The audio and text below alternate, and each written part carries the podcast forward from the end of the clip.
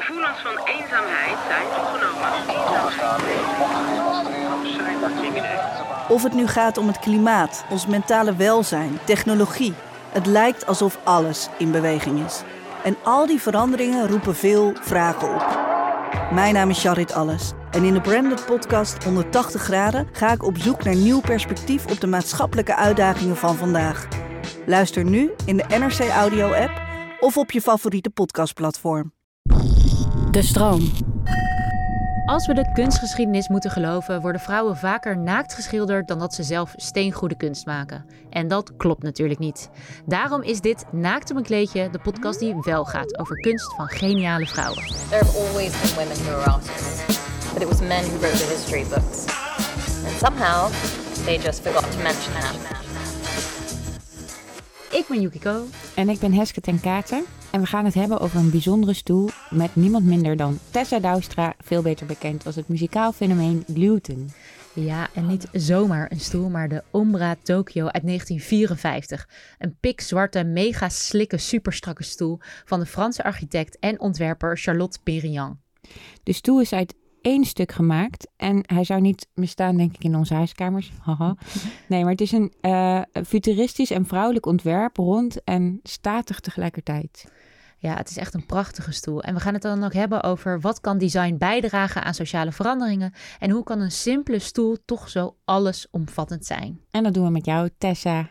Net terug van een internationale tour. Ja, Europese tour hebben we net gehad. Dat vind ik heel internationaal. Ja, nee, was ook, was ook echt ver rijden. Door vergis je in. nou, net terug, een weekje terug. Ja. Welkom. Dank je. Je hebt een stoel uitgezocht. Hoe heb je dit werk leren kennen? Ja, een uh, vriendin van mij, uh, Isa Grutter, uh, zij is teken, tekenaar, illustrator. En zij um, stuurde mij een keer een, een documentaire over, over Charlotte Perriand met Dit moet jij kijken, die, ik denk aan jou als ik dit zie.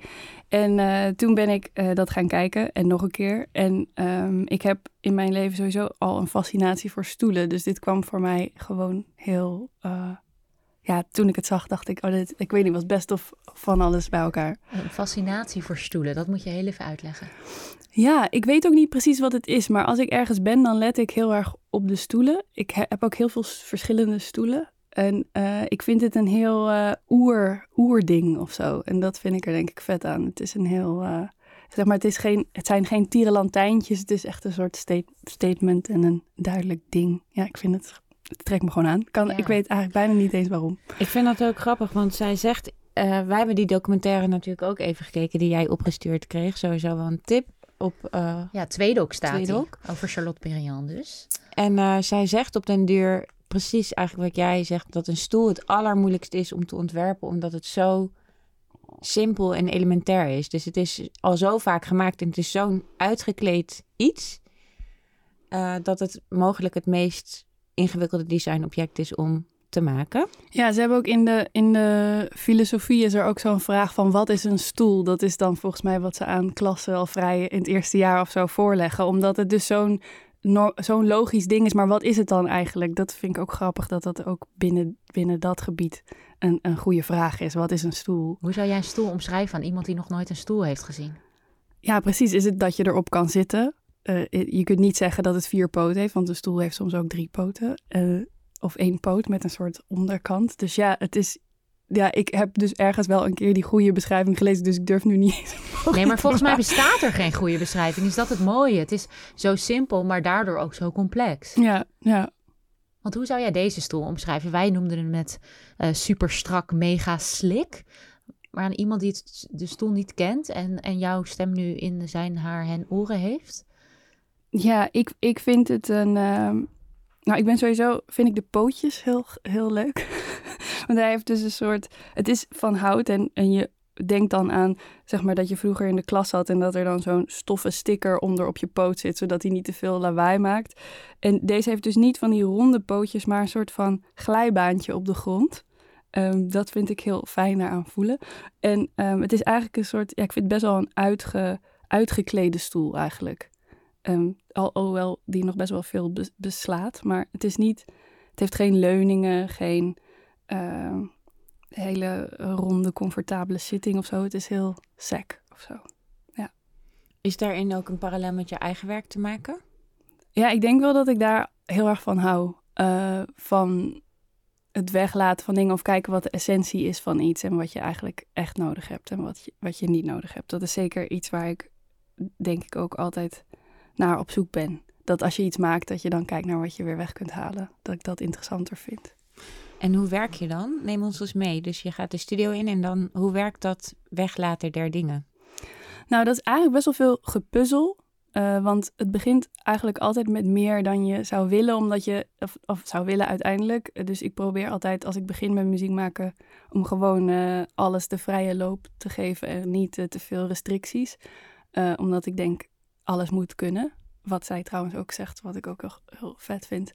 Dat niks moet uitgesloten worden in eerste instantie. Maar op een gegeven moment dan heb je een idee en dan kleed je dat aan en dan laat je het liggen. Of dan doe ik dan, dan laat ik het een tijd liggen. En dan na een tijd luister ik het terug. En dan kan ik gewoon, nou ja, letterlijk ook in mijn computer dingen uitzetten om te horen wat er overblijft als het weg is. En wat dan eigenlijk het sterkste onderdeel is van het liedje. En bijvoorbeeld iets als een gitaar of zo, daar kun je hele uh, akkoorden mee spelen en gewoon strummen, zeg maar, waardoor het de hele tijd klinkt. Maar je kunt ook twee noten van dat akkoord spelen en dan één noot door een ander instrument laten spelen, waardoor het soort leger voelt.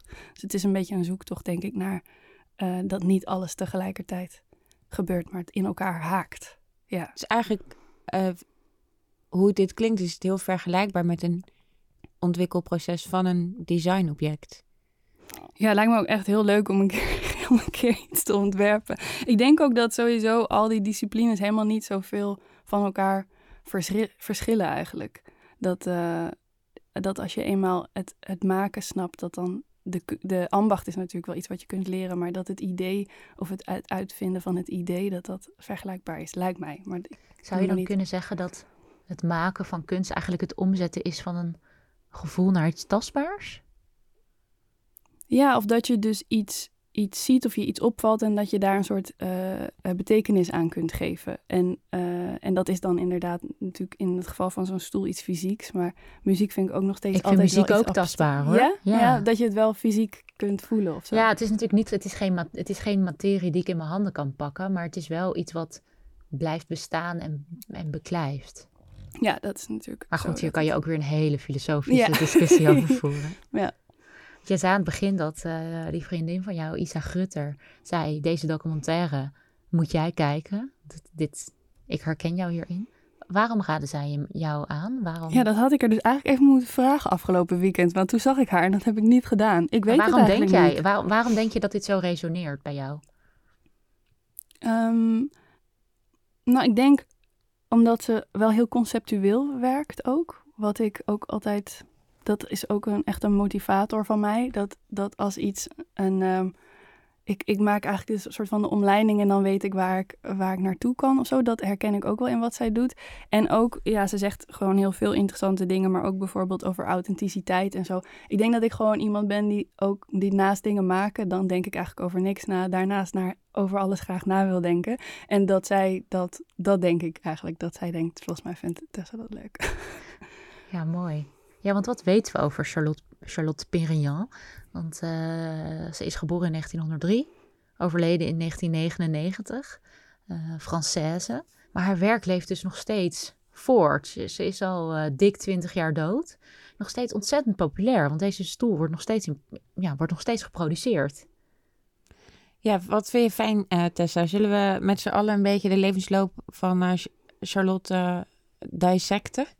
Of ja, uh, wil jij uh, beginnen met wat jij, wat jij over haar wil vertellen? Nou, ik, ben, al, ik voel me altijd heel on oncomfortabel in de Leo Blokhuis-achtige rol der, der rollen. Dus, dus zetten jullie maar in. Ja, dan, nee, maar dat snap ik ook. En, en, en, en uh, laten we vooral niet pretenderen dat we hier volledig zijn. En als je het, de hele levensloop van Perian wil bezien, dan raden we eigenlijk gewoon die documentaire aan. Ja. Maar... Um, ze ging in de leer bij Le Corbusier en dat is een hele beroemde ontwerper en architect die eigenlijk helemaal opnieuw nadacht over ruimtelijke ordening, over ecologie, over uh, de uitvinding van gewapend beton kwam op toen hij ontwierp. Dus hij kon heel anders soort gebouwen maken dan tot die tijd uh, gemaakt zijn. Dus zeker even het googelen waard. En eh, zij wilde stage bij hem lopen, had haar portfolio onder de arm. Zo stel ik me dat dan voor, maar ja, daar kleur ik natuurlijk ook van alles in. Eh, en er wilden veel meer mensen bij hem stage lopen. En in eerste instantie was hij niet zo impressed bij wat, wie zij was en wat zij deed. Want hij zei volgens mij letterlijk, we hebben hier geen naaiatelier of je kan Ja, hier niet borduren. Zo'n Precies, we borduren hier geen kussens, heb ik eh, gelezen. Ja, Ja. oh my god. maar zo beledigend ook. Maar nou, dat ze daarna dan nog alsnog bij hem wilden. ze- Ik had dan echt gezegd, nou, go fuck Wat had jij yourself. Go ik had gewoon gezegd, go fuck yourself op zijn Frans. En dan klinkt het altijd minder erg. putain. Ja, Ta precies. gueule. Precies. Eh, maar in ieder geval, wat ze dan doet, wat ik best wel brutaal al vind, is dat ze zegt: ja, Ik heb een kleine expositie, eh, ik zie je daar. Ja. En dan komt hij wel. En dan is hij super impressed met wat zij heeft gemaakt. En het is ook heel indrukwekkend, want ze heeft eigenlijk gewoon al fictief op papier allemaal gebouwen ontworpen met bijpassende meubels en kleden en interieur en gordijnen. En het is heel, wat, eh, wat jij net zo mooi zei, het is heel uitgekleed, heel sec en gaat heel erg in tegen de trend van die tijd. Ik denk ook dat heel veel kunsthistorici het als mannelijk bijvoorbeeld zouden typeren. Haar stijl. Ja, Ja, want ze is natuurlijk iemand die opeens van die buizen ging gebruiken. Veel vergroomde dingen. Wat natuurlijk echt, nou ja, dat had ze ook echt daadwerkelijk van auto's. Maar de, dat is natuurlijk een super mannelijke, of dat associeer je met auto's en mannelijke materialen of zo natuurlijk. En want het waarschijnlijk, of, ik weet niet zoveel van de kunstgeschiedenis, maar dat in die tijd de mode echt dat bewerkte hout was en zo. En echt die Franse, oud-Franse slaapkamers, die we dan nu misschien wel weer cute vinden. Maar ja met heel veel tirelantijnen. ja, precies. En dat is dit natuurlijk echt het totale tegenovergestelde. Dus je moet wel echt een, een, een heldere geest hebben om, om dat voor je te zien of zo. Ja. Ja, zij was, ze was wel voor mijn gevoel heel erg een vrouw met een missie. En ik was ook wel benieuwd. ehm zij wist heel duidelijk wat ze wilde. En daardoor kon ze eigenlijk ook best wel brutaal op dingen afstappen en zeggen: eh, Ik heb jullie nodig, maar jullie hebben mij ook nodig, want ik ben een visionair. En eh, je gaat spijt krijgen als je niet met mij werkt. Eigenlijk, was best wel zelfverzekerd. Ja, zeker. En, en, en wat ik ook mooi vind is... Op een gegeven moment, ze gaat dus in de leer bij Le Corbusier. Leert heel veel van hem. Maar op een gegeven moment zie je ook dat ze hem voorbij streeft. En dat zo'n ego van zo'n man dat dan niet kan hebben. Hij haar eigenlijk een beetje op het matje roept. En dat ze dan ook zoiets heeft van... Nou, dan verbreken wij de band. En dan zegt ze op een gegeven moment, daar is een mooie audio-opname van... Zegt ze, ja, en waar ik wel echt nog spijt van heb... is dat ik heb gezegd... ik geniet nog wel heel erg van je ideeën. Niet meer van de man, maar wel van je ideeën. Dat ze daar dan nog spijt van heeft. Dat, vind ik, dat vond ik ook zo'n mooi, ja, toch empathisch detail van iemands Als ze, karakter. ze vond zichzelf te hard. Ja, ze vond, nee, ze vond zichzelf te zacht. Dat ze hem toch nog een compliment had gegeven. Oh, ze had nog bitchier willen zijn. Ja. Ah, oké. Ja. Maar En- hij heeft daar later wel ook nog weer teruggevraagd bij ontwerpklussen. Dus dat vond ik ook wel weer. Dat, nou ja, dat zegt iets over haar inhoudelijke drive, denk ik ook. Dat je dus ondanks zo'n oneenigheid denkt van ja, ik moet haar toch erbij hebben, want dan gaat het lukken. Er zal Ja. wel iets van vuur zijn geweest wat, wat ze nodig hadden, inderdaad. Ja, en, ehm en Yuki, jij zei net in de intro heel mooi van... We gaan, hoe kan een simpele stoel zo allesomvattend zijn? Hoe kan design bijdragen aan sociale veranderingen? Ze heeft ook een keuken ontworpen, toch, Tessa? Ja, dat vind ik echt wel een absurd verhaal. Er is dus eh, eh, het, het idee van de open keuken, dat komt dus uit haar hoofd. Dat eh, er waren mannen in die tijd waren dus bezig met het maken van hele supersonische keukens met allerlei eh, technische snufjes, bewegende stoelen en weet ik veel wat. Ik, ik heb allemaal rare dingen gezien. En zij had zoiets van, ja, nou ja, als een vrouw zich echt wil ontwikkelen, dan moet zij in het gesprek mee kunnen doen. En dat betekent dat ze uit die ruimte moet. Of in elk geval dat ze mee kan doen terwijl ze daar is. Want dan heeft het nog over wat een vrouw allemaal in de keuken moet doen. Dat gaat nog niet over dat ze daar meteen mee moet stoppen. Maar ik, ja, dus zij heeft heel erg gedacht over wat heb je eigenlijk echt nodig? Is dat een, is dat een apparaat? Heel, heel eh, eh, maatschappelijk bewust en, en niet alleen maar op het materiaal en, en wat het doet of zo. Of hoeveel het weegt of wat het kost, maar ook echt wat het betekent. Want als ik het goed begrijp, wij hebben natuurlijk nu allemaal van die hipsterhuizen waar je een kookeiland in je woonkamer hebt. Of althans de, de, de zeer gefortuneerde onder ons. Maar in die tijd had je de keuken nog gewoon in een, op een aparte plek. En zij heeft eigenlijk gewoon de muur tussen de keuken en de woonkamer opgeheven. Ja, en verlaagd. Dat was soms ook nog een soort van eiland, geloof ik. Of dat het een soort raam was, weet je wel. Echt die Madman-achtige. Of ja, dat, Ja. dat stel ik me dan voor, maar dat is veel later ook. Want Ja. dit is echt nog jaren dertig of wat was het.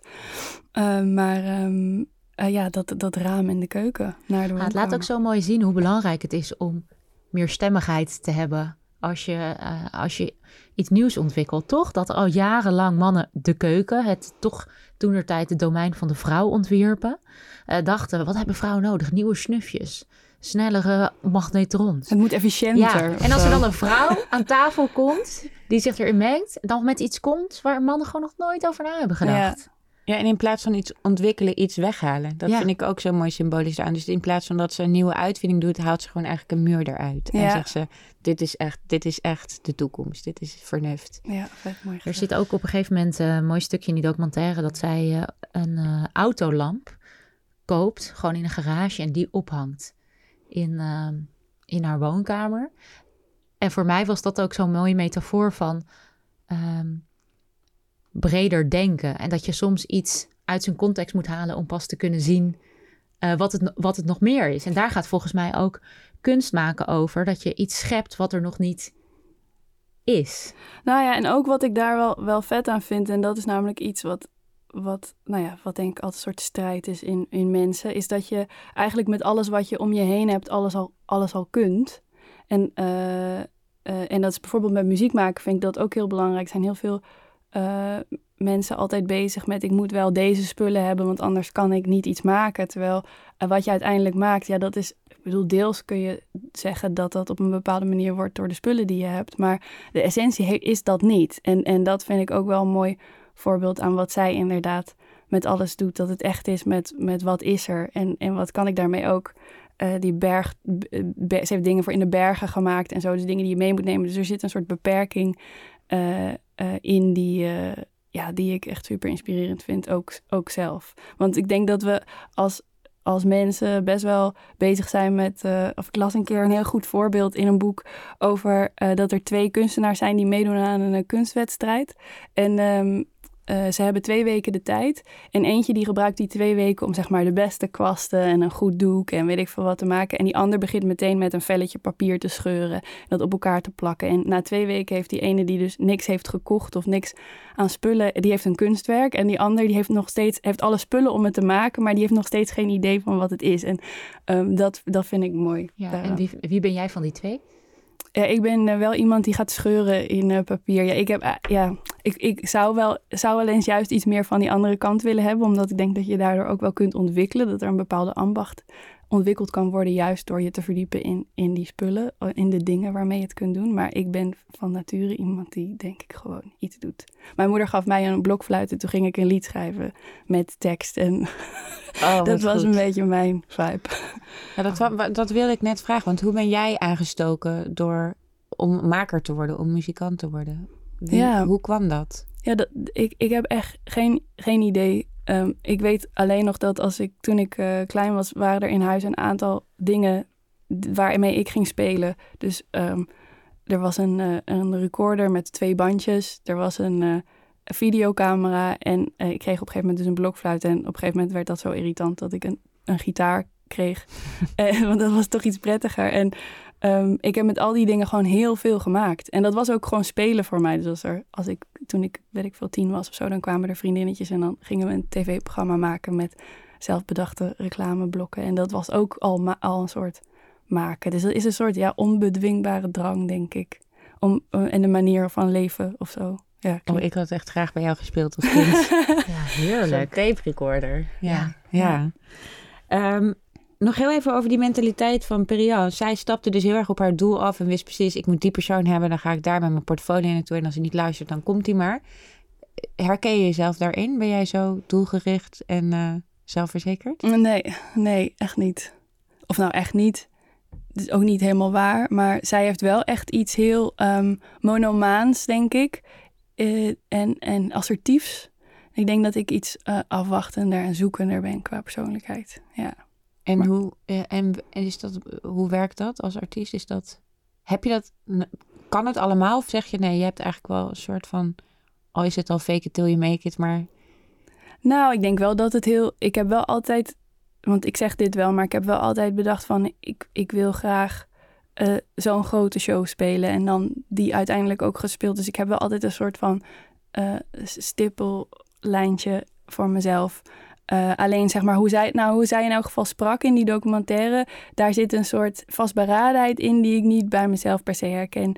Um, maar dat kan natuurlijk voor haar ook een soort van uh, manier van zijn voor de camera zijn of zo. Maar ik zou mezelf, uh, zie ik anders, denk ik. Maar goed, ik, ik zie mezelf ook niet. Dat doen jullie, dus ik weet ook niet precies hoe nee, dat, dat is.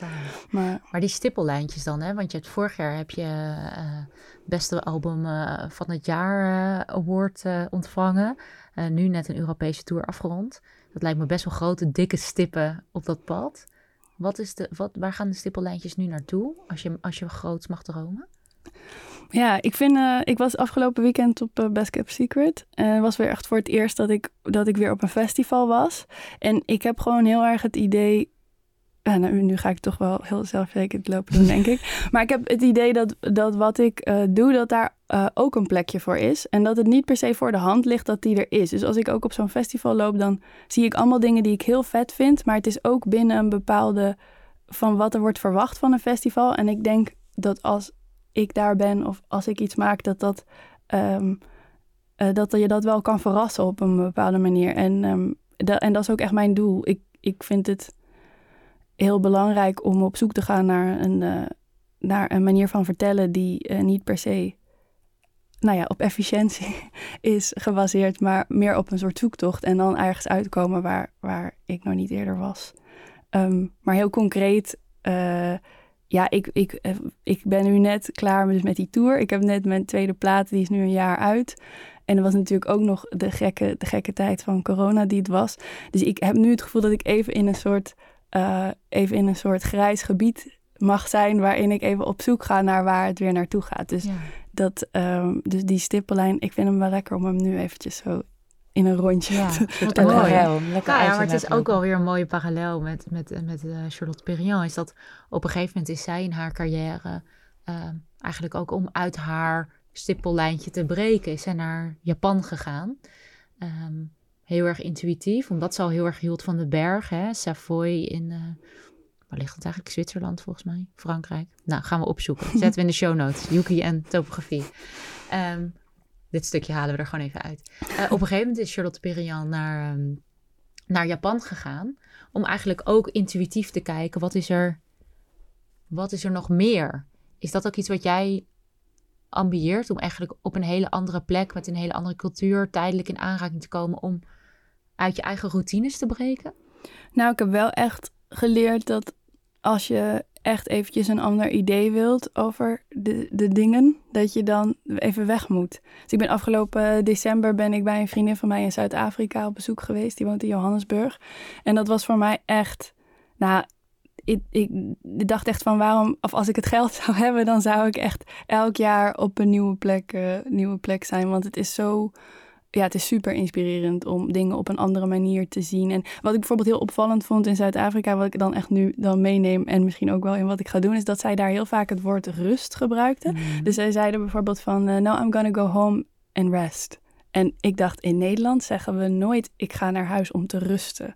We zeggen altijd druk, druk, druk. Ik heb het druk, dus ik ga nog even mijn deadline thuis afmaken. Ja, precies. Of ik moet vroeg naar bed, want ik moet morgen weer dit. Het, het is, gaat heel erg over een soort effectiviteit. En dat viel me zo op daar dat mensen het hadden over... ik ga nu uh, naar huis om te rusten. Of ik, de, deze tijd is om... Ik weet niet, dat woord. Ik dacht rust, ik gebruik het echt nooit. Dat vond, ik, vond ik heel tof. En dat is dan iets waarvan ik, waar ik over na ga denken. Mooi. hey, en um, is overleden in 1999. Jij was uh, geraakt door haar documentaire en je hebt deze prachtige stoel gekozen. Zou je haar nog iets willen vragen als je haar kon spreken? Mm, goeie. Nou, eigenlijk wat ik... Ik zou daar niet iets willen vragen, maar ik zou eigenlijk wel in haar huis willen kijken. Want dat heb, heb ik niet gezien. Uh, en ze heeft heel veel... Ze heeft namelijk zoveel ideeën en er zijn heel veel en concepten en dingen waar ze over vertelt. En ook in haar werk laat zien. Maar ik weet niet hoe dat in haar persoonlijk leven eruit zag. Ik zou eigenlijk wel heel graag willen zien hoe dat eruit heeft gezien. Ja, mooi. Ik, ik, ik, dat, ik zou dat ook willen. ik vind dat echt een goede ambitie. En ik las een van de dingen die zij deed, is dat zij, um, zij heeft dus deze stoelen ontworpen. Maar zij vond dus dat als je een tafel niet gebruikt, dat daar ook geen stoelen omheen horen.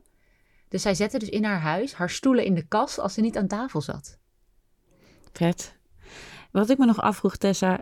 Eh, als je naar zo'n stoel kijkt, kan het je ook ontroeren? Doet het emotioneel ook iets met je? Die, want, het, want ik blijf toch een gebruiksvoorwerp zien. En, ik, en daarin mis ik misschien ook echt een gen en, en, en een af- hele afslag. Want ik geloof er wel in dat design op de een of andere manier een emotionele reactie kan. Ja, Heb jij dat? Mm, nou, ik vind het wel heel erg mooi. Ik weet niet zo goed hoe ik die emotie zou omschrijven. Ik denk dat ik vooral geraakt was door dit werk door ook het idee erachter en waar het vandaan kwam.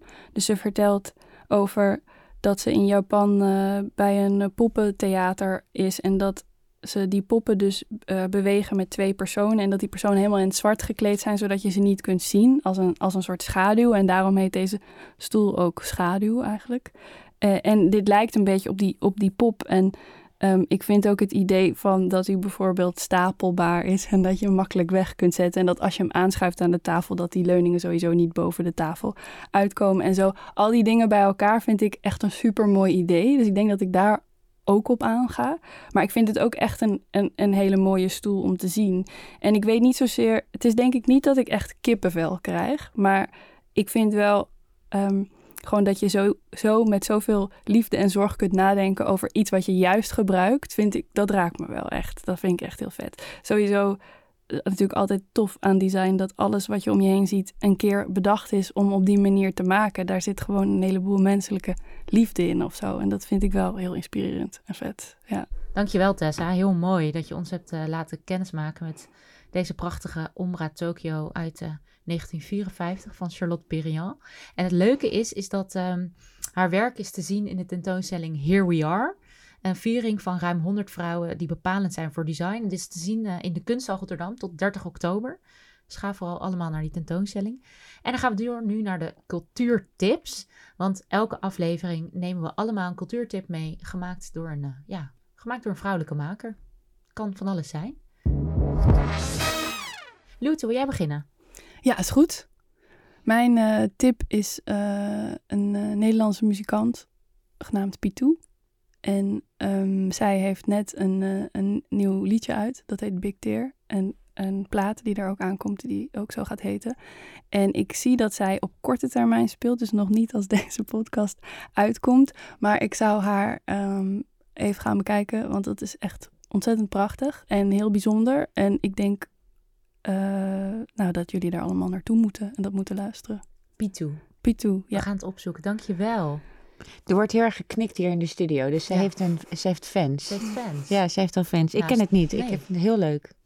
En waar moeten we van jou heen, eh, Heske? Nou, ik ga nog even door op jouw laatste comment. Want in de kunsthal, als je er dan toch naartoe gaat om de stoel te bekijken, is ook een tentoonstelling eh, binnenkort opent die van Cloud Cahoon. Eh, dat is een synoniem, maar ik ga er niet veel over verklappen. Het is een hele bijzondere kunstenaar die ehm, in het verleden eh, heel veel werk heeft gemaakt over genderidentiteit, genderrollen, heel veel zelfportretten. Ik vind het waanzinnig mooie foto's. Eh, maar het was ook zeker een activist die bijzondere pamfletten in de Tweede Wereldoorlog verspreidde. Ze heeft heel veel lansen gebroken voor heel veel vrouwen, transpersonen. En ehm, daarnaast is haar werk gewoon esthetisch. Wauw. Very appealing. Nou, Cloud Cahoon dus. Ja. Wederom in de kunsthal. En dan eh, maak ik nog een mooi bruggetje, want ik eh, wil het ook nog even hebben over ander, andere stoelen. Een ware stoelendans. Ehm, mijn cultuurtip is namelijk de documentaire Eames, The Architect and the Painter. En dat is een documentaire over het echtpaar Eames, Charles en Ray Eames. Hebben vast allemaal wel eens op een stoel van hun gezeten. Ofwel een namakertje, want die worden nogal veel eh, nagemaakt. Eh, en men denkt dus heel vaak dat het broers zijn, maar het was dus een echtpaar. En de vrouw ervan Ray Eames die was heel revolutionair in haar denken en ontwerpen. Maar haar man eh, Ray kreeg eigenlijk alle shine. En eh, ja, dat was wel een beetje ook als eh, Charlotte Perriand. Daar hebben we het niet echt in de podcast over gehad. Maar ja, veel van haar ontwerpen kregen uiteindelijk kreeg Le Corbusier daar de credits van. En dat is bij Charles en Ray Eames ook zo. Dus ehm, de documentaire Eames, The Architect and the Painter, een echte aanrader. Je hebt dus vooral aan Ray en Charles, die, die, die moet het maar even... Ja, Charles was gewoon de charismatische voorman. Kon ook heus zeker mooie dingen maken. Maar eh, wat mij betreft was Ray... eh, de cool girl. Cool. Dus dat. Volgende week zijn we er weer. Volg ons in de tussentijd vooral op naakt op een kleedje op Instagram. En dankjewel voor het luisteren. Dankjewel voor het luisteren.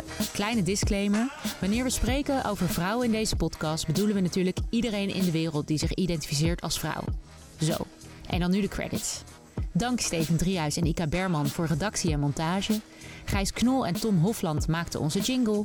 Gees Voorhees maakte ons artwork. En wij heten Hesket en Katen en Yukiko. Volg ons op @naakt een kleedje op Instagram voor meer vrouwen en meer kunst.